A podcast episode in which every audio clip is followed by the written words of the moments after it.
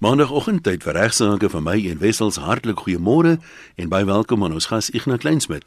Goeiemôre Ian, môre luisteraars. En ek dink altyd as ons praat van luisteraars, ek weet nie van jou nie, ek luister baie sleg. Ek praat makliker. My vrou sê ek praat te veel en ek luister te min. Daar's altyd 'n ding, jy weet, ouers van kinders sal nou dit ken. In die hart verduidelik dit die verskil tussen hoor en luister. Ja. Hulle sê hulle hoor beteken met die oor waarneem en luister beteken gehoor gee aan. En dan het hulle 'n sinnetjie wat die onderskeid perfek uitspel. Hulle hoor, maar hulle luister nie. nou, Dit, dit nou, ken ons ja. almal, maar as jy nou praat van luisteraars, Vanus Rautenbach wat die omroeper van die vorige millennium was, het uh, dikwels gepraat nie van luisteraars nie, van luisdraers. En ja. hy sê bittermin mense dit agtergekom. jy weet Mark Twain het uh, gesê as die liewe Here wou gehad het ons moes meer praat en minder luister, sou ons twee monde gegee het en een oor maar ons het een mond en twee ore, maar ek dink dis nog 'n kuns. Ja, maar jy moenie jy moet nou nog net onthou baie mense kan hierdie nekke ook praat. ja, ek dink dit is 'n kuns om, om 'n goeie luisteraar te wees en ek probeer my bes om beter te luister, maar ek eintlik maar wou sê vir ons luisteraars baie dankie dat julle vandag luister. Absoluut. Waardeer dit. Die voorkoms van listeriose in Suid-Afrika uh, het oor die afgelope paar maande groot konsternasie. Dis 'n woord wat mense jaar terug nie geken het nie. Ja, nee. absoluut so nee. Maar ons ken Pelonie die woord kolonie daarom. Nou, praat jy. Ja, groot paniek veroorsaak en konsternasie soos ons almal weet. Daar's ook produsente wat ek sien in die koerante het miljarde rande verloor. Nie net oor goedere wat van rakke verwyder moes word nie, maar ook op die aandelebeurs waar aandelepryse dramaties gedaal het. Ek het 'n skrywe ontvang van 'n meneer Mohammed. Hy woon in 'n klein nedersetting naby Kaapstad sê hy. Hy sê dat sy vrou verwagtend is dat hulle vermoed dat sy 'n slagoffer van listeriose is. Dit blyk uit sy skrywer dat hy al deur diep waters gegaan het sedert uh, sy begin siek word het dat sy die datum van die skrywe is ongelukkig al 'n paar 2 of 3 maande terug nog nie regtig weet of sy en die baba of die baba wat sy verwag buite gevaar is nie. Hy sluit af deur aan te vra en dit is die vraag of ek sal aanbeveel dat hy 'n prokureur gaan sien en of hy en of sy vrou moontlike eise het teen die supermark waar hulle die produkte gekoop het. En, en hy sê ook dat hulle nie regtig 'n duur hofsaak kan bekostig nie. Nou meneer Mohammed, eerstens moet ons kyk na die gemeenregtelike die delikte reg waar kragtens ons almal wat luister 'n eis het teen 'n regspersoon of 'n natuurlike persoon wat op 'n nalatige wyse skade aan my veroorsaak het. In hierdie geval sal mens dan moet bewys dat die ander party nalatig was, het iets te doen of deur iets na te laat om te doen wat skade aan my veroorsaak het wat andersins redelikerwys voorkom kon word. Ek kan egter nou al vir julle sê dat wanneer wanneer ons kyk na listeriose gaan die bewyslas vir 'n gemeenregtelike eis gebaseer op nalatigheid nie net baie moeilik wees nie, maar gaan die proses waarskynlik ook baie baie duur wees. Aangesien ons natuurlik hier met met produkte werk en daar gevind is dat verskillende partye oor en weer die skuld op mekaar gaan plaas vir die probleme die produk. Uiteindelik moet jy dus 'n hele paar verweerders dagvaar om by die om te bepaal waar die nalatigheid dan nou eintlik plaasgevind het. Was dit by die verskaffer van die produk? Was dit by die produsent van die produk? Was dit by die supermark waar die produk gekoop is? Ag, so kan ons aangaan. Kan ek gou vra vra daaroor ek nou. Kom ons sê die nalatigheid lê by die verskaffer van die produk, ja. maar die supermark was, was van niks bewus nie. Dan ja. sal jy nie kan die teen die supermark eis nie. Hulle was mos nie nalatig dan nee, as hulle al die voorsorgmaatreëls getref het wat korrek. Dit moet iets weet wat jy redelikerwys kon voorsien het ja, en dan ja. voorkom het. 100% reg. Ook die besmetting natuurlik om dit te bewys. Is daar natuurlik deskundige getuienis nodig? Wanneer mens so eis instel. En dit is baie duur om daardie getuienis te lê.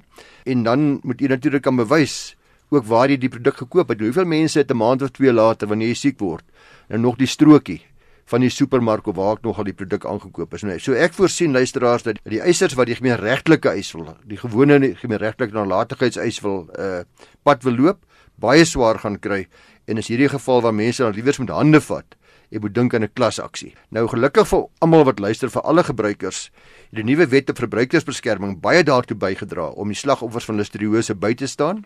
Hierdie wet maak dit baie duidelik dat alle partye, en dis nou nogal interessant, alle partye wat in hierdie verskaffingsketting van die besmette produk betrokke was, aanspreeklik gehou kan word vir enige skade wat gelei is. So dis nou nie meer gemeenregtelike eis en nalatigheidseis nie. Enige party, alle partye wat van die begin van die ketting af dat die persoon wat die produk ingevoer het, die middelman wat die produk versprei het, die groothandelaar wat die produk aan die kleinhandelaar verskaf het, die kleinhandelaar wat uh, dit weer by wie dit gekoop het, almal is deel van die verskaffingsketting. Omdat hulle almal volgens hierdie wet aanspreeklik is, so dis nou nie meer vir die verbruiker nodig om hierdie lang en uitgerekte duur proses te volg om te gaan bepaal wie's nou eintlik die skuldige party nie, wie's die sondebok nie. Nou die geneesere deur wie u vrou behandel word, uh, se verslae is natuurlik van die uiterste belang en hulle getuienis is ook die van spesialiste by 'n laboratorium sal eerstens noodsaaklik wees om bewys dat die besmette produk inderwaar die oorsaak was van die vrou se siekte. Dit kan natuurlik ander oorsake ook gehad het. En hulle ook die omvang van haar toestand aan die hof moet kan verduidelik. Dit het 'n wesenlike invloed op die omvang van die bedrag waarvoor sy gaan eis. Faktore soos haar pyn en lyding, ander forme van genoegdoening, verlies aan inkomste, ag en alles sal 'n rol speel om die bedrag te kwantifiseer, om die bedragskadevergoeding te bepaal. Dis natuurlik ook belangrik luisteraars dat indien sy afhanklikes het uh, vir wie se versorging sy verantwoordelik was. Daardie afhanklikes ook moontlik eise kan hê. Indien sy byvoorbeeld nie langer kan werk en haar onderhoudsplig kan nakom teenoor hulle nie. In die geval van afsterwe dus kan die afhanklikes van die afgestorwene eis instel ook vir deel van die vergoeding. So meneer Mohammed, soos jy kan aflei, is die eis beslis nie 'n goedkoop en 'n maklike eis nie. En glo ek dat die erns van u vrou se siekte uiteindelik sal bepaal of dit moeite werd is om regstappe te neem. Ek sal dus voorstel dat jy op hierdie stadium eers verseker dat sy behoorlik herstel, maar dat jy intussen al die bewysmateriaal bymekaar kry, soos byvoorbeeld die strokies van waar jy die materiaal gekoop het, die omslag van die produkte dalk behou, die mediese verslae beslis behou. Sodra jy eggenoot aan 'n staat is met middel van mediese getuienis aan te toon wat die aard en omvang van haar skade is en die graad van permanensie byvoorbeeld van onbevoegdheid om werk te verrig ensovoorts, dan moet jy dringend dadelik 'n prokureur gaan spreek hou ook maar die oop en dis nog die, die belangrikste vir alles wat ek nou gaan sê. Een is hou jou oë oop. Ek is seker daarvan as 'n hele paar mense wat besig is om uh, klasaksies bymekaar te maak om groepe slagoffers bymekaar te kry. Uh, indien een van ons luisteraars dalk weet van so 'n klasaksie kan hulle gerus die besonderhede uh, van die prokureur wat dit hanteer aan my laat toekom en ek sal dit dan weer as met jou goedkeuring een hmm, vir die luisteraars deurgee sodat uh, julle daardie prokureur kan skakel. Ek weet dat Richard Spoor die bekende prokureur uh, klas uh, aksieprokureur van Witrifuur beslis besig is om ook uh, te kyk na 'n moontlike klasaksie en uh, u kan ook hom dan maar net uh, gaan nakyk op uh, Google of waar ek nogal Richard Spoor en u sal daar sy besonderhede kry. Ek dink ons gaan nog baie van uh, hierdie dinge hoor.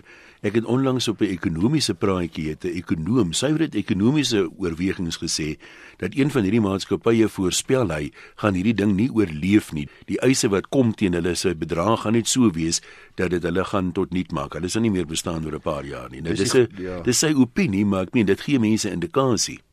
Ek dink 'n aandering ook van die uh, asbes sake wat ons gehad het en 'n paar ander sake teen die myne wat ook groot klas aksies was, is dit net weer die belangrikheid onderstreep daarvan dat groot koöperatiewe maatskappye moet behoorlike versekerings uitneem teen hierdie tipe van aksies. Want soos jy sê, klas aksies kan jou verseker uitroei. Ons het 'n skrywe gekry al ook al in die einde verlede jaar. So jammer dat dit so laat is, maar uh, die luisteraar sê as hulle anoniem wil bly, sê ek het vanoggend na gedeeltes van die program geluister. Daar's iets wat my pla. Dit gaan oor die howe wat geskep word waar die landros en die hele hofpersoneel in 'n karavaan langs die pad sit en dan oortreders daar verhoor sodra hulle aangekeer is. Hy sê ek's bewus van drie gerapporteerde beslissings wat soortgelyke prosedures ongeldig verklaar het. Dit was nou nie verkeersoortredings nie. Ek sal graag wil hoor wat julle as regsgeleerdes hiervan te sê het. Dan sluit hy af soos baie van die briewe afsluit. Ek luister graag na die program en dien ook onthou en baie mense vra dan ook Sal ons asseblief hulle laat weet wanneer die program uitgesaai word nie. Ja, maar net sommer dadelik weer sê ongelukkig weet ons nie altyd wanneer die program uitgesaai word. Ja, ek dink die heel maklikste is al die programme is wel as potgoeie beskikbaar op RSG se webwerf rsg.co.za. So as jy soontoe gaan na die webwerf toe, so links bo in die bladsy is daar 'n knoppie waarop jy kan klik potgoeie dan maak hy 'n nuwe bladsy oop en dan kan jy regsaake as sleutelwoord gebruik en daar intik en soek. En al die programme verskyn dan daar by elkeen is 'n kort opsomming mm. van die inhoud. So as 'n mens net so afrol, dan kan jy gou-gou sien dit gaan oor onderhoud of dit gaan oor belasting of boedels of wat ook al. Maar ongelukkig is die die administratiewe prosesse is net te veel vir ons. Ons het nie die mannekrag om dit om dit ongelukkig te doen en almal te laat weet ja. nie. Om die luisteraars se vraag te beantwoord oor die geldigheid van die sogenaamde karavaanhowe, het ek eers eens gaan kyk na die drie gerapporteerde beslissings waarna hy verwys het. Ek glo hy het seker 'n regsagtergrond uh, en dis waarom hy na hierdie drie beslissings verwys. Die eerste een is S versus Jan Tollo in 1977 saak, gehandel oor 'n ongeletterde vrou van ongeveer 65 jaar. Sy was aangekla van handeldryf in dagga. Sy het nog nooit van tevore in 'n hof nie, geen kennis van hofprosedure nie ensovoorts, soos baie van ons maar wat eerste verskyners is. Sy is op die dag van haar misdryf kort na 12:00 die middag in hegtenis geneem en minder as 2 uur later is sy daar in die gebied waar sy gewoon het na 'n hof geneem en verhoor en gefonnis. Sy was uh, sy het geen kontak met haar familie sowel as 'n regsverteenwoordiger gehad nie en volgens haar is dit ook nie vir haar aangebied nie en is dit vir haar geweier. Op hersiening deur die Hooggeregshof is bevind dat die prosedure wat gevolg was ongeldig was en was haar skuldbevinding en haar vonnis tersyde gestel. Aan die ander hierdie spoedige onmiddellike verhoor sonder dat daar behoorlik kans gekry word om te dink daaroor.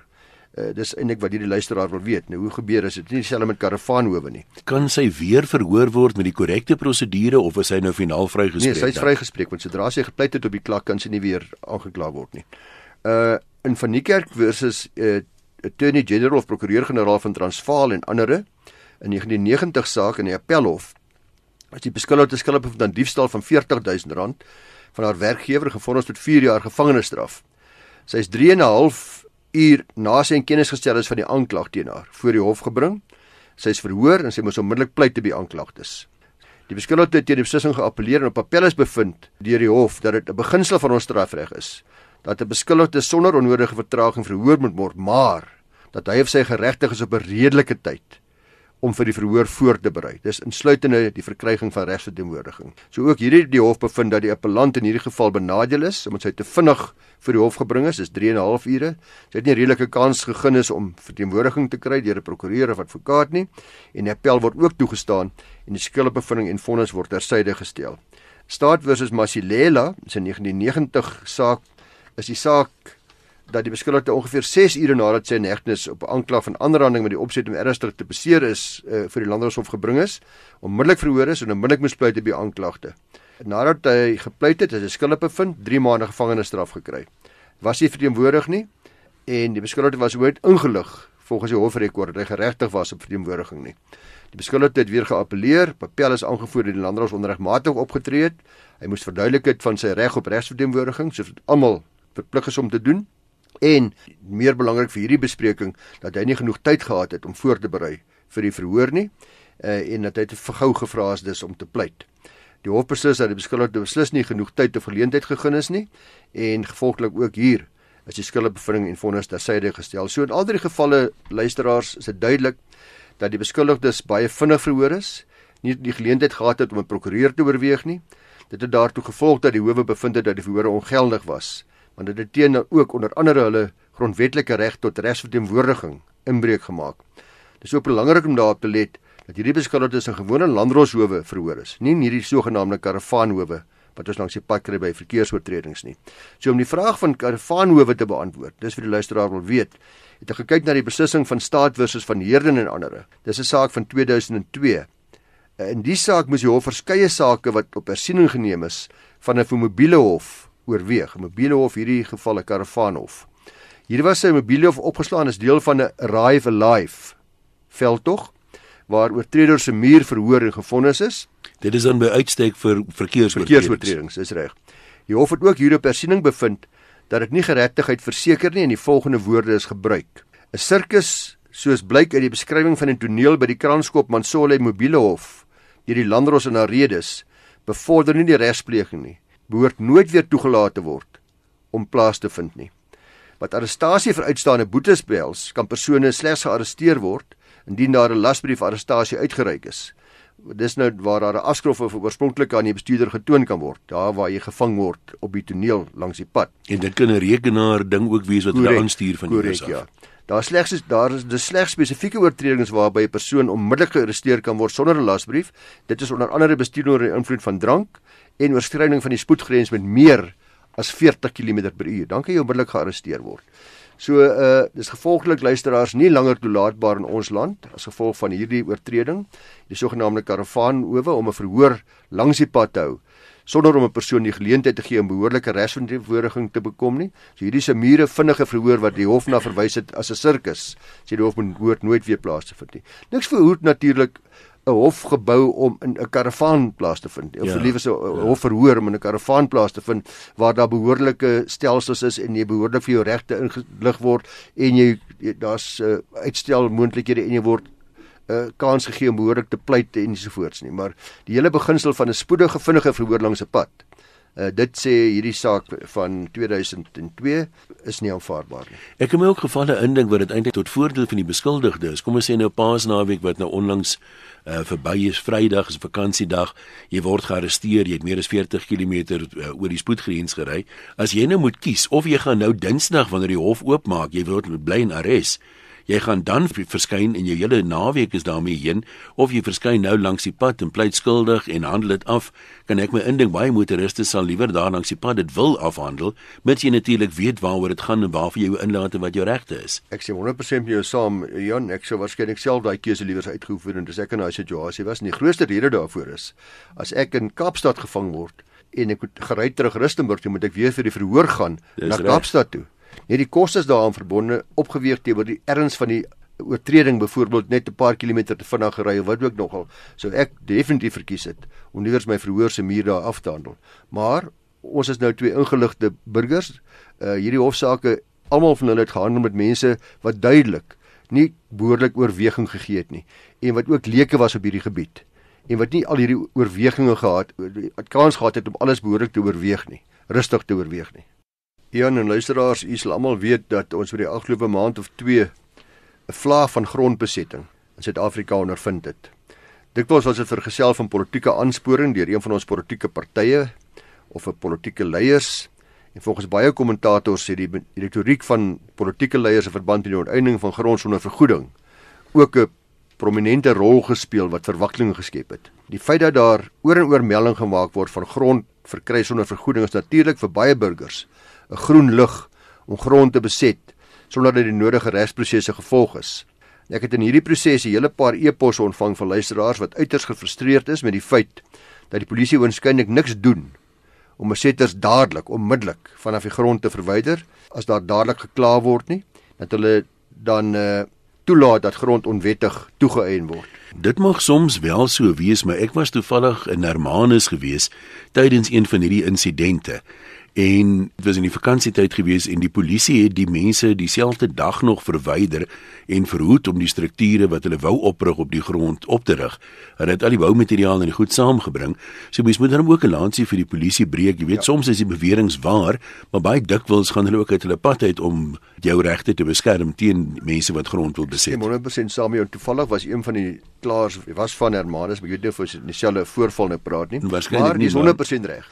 Maar Ek kritiseer die SAP so gereeld op hierdie program met verwysing na talle hofsaake waar hulle pak slaag kry, maar hierdie keer moet ek presies vir hulle opkom. Uh terloops, ek het in die pers gesien dat selfs president Ramaphosa en Jeff Radebe, die minister, het faktiewelik die polisie kritiseer omdat hulle betreders nie onmiddellik verwyder nie. Ek gaan nou vir julle sê hoekom daai kritiek nie geregverdig is nie.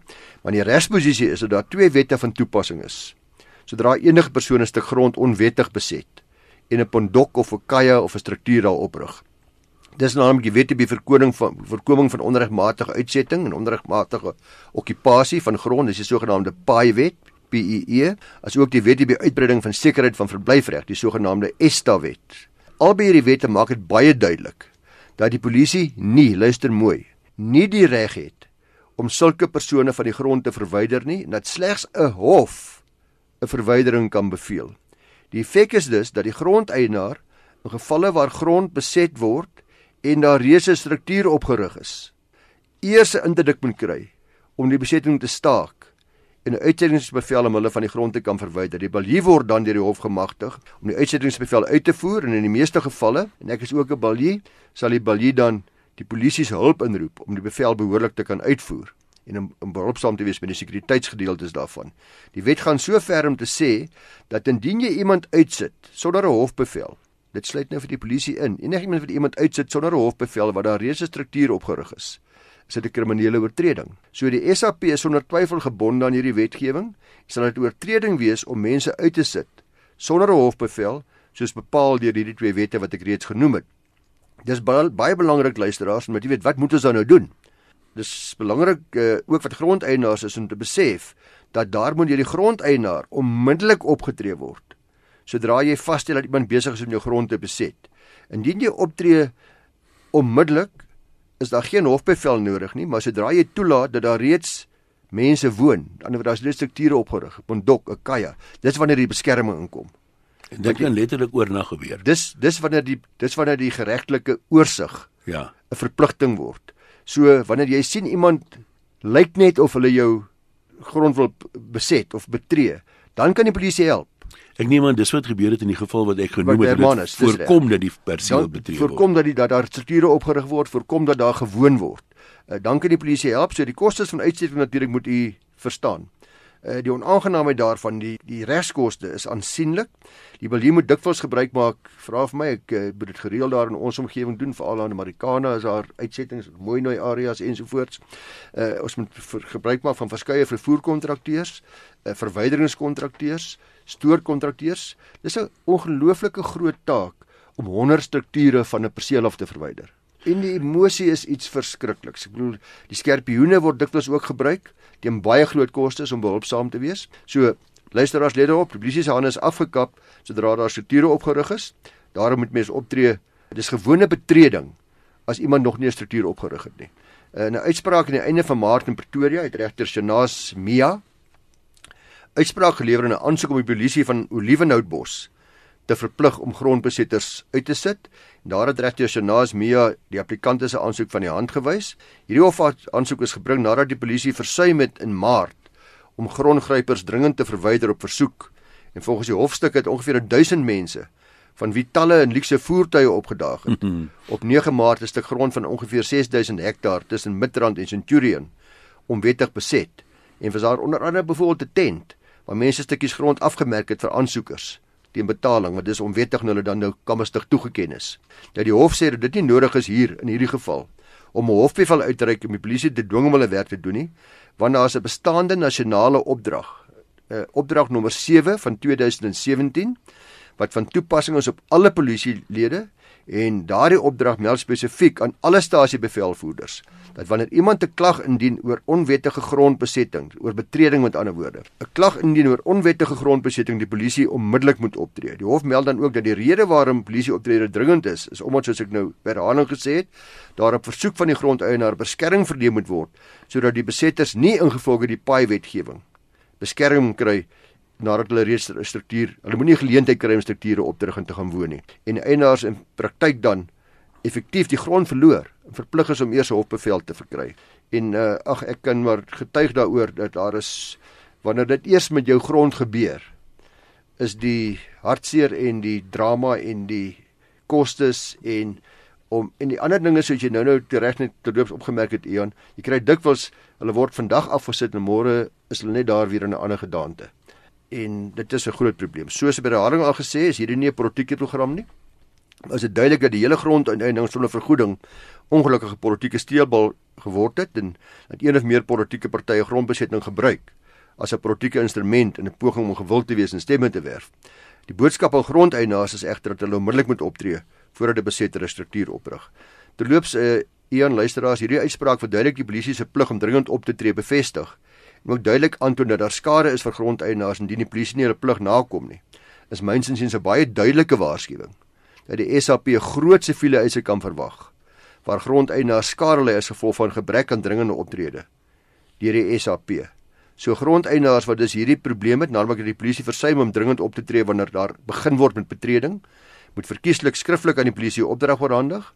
En ek dink dit sal goed wees as hulle verwys na die nasionale opdrag nommer 7 van 2017, soos beveel deur die minister wat sê julle moet onmiddellik optree as julle 'n klag kry. Onmiddellik. 'n uh, nasionale opdrag aan alle bevelvoerders. Indien dit dan nie nagekom word nie, dan moet u die prokureur gaan sien met 'n siviele eis.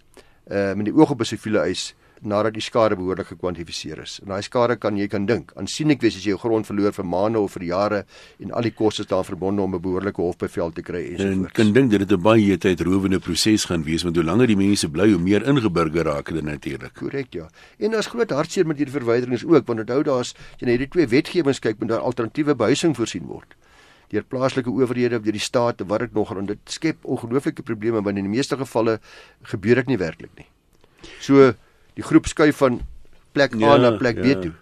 Nee, op daai effens frustrerende noot moet ons 'n streep trek onder vandag se regsaake. As jy regsvrae het wat jy wil hê Ignas moet in toekomstige programme bespreek, is jy welkom om dit direk vir hom te stuur. Ignas by vvd.co.za.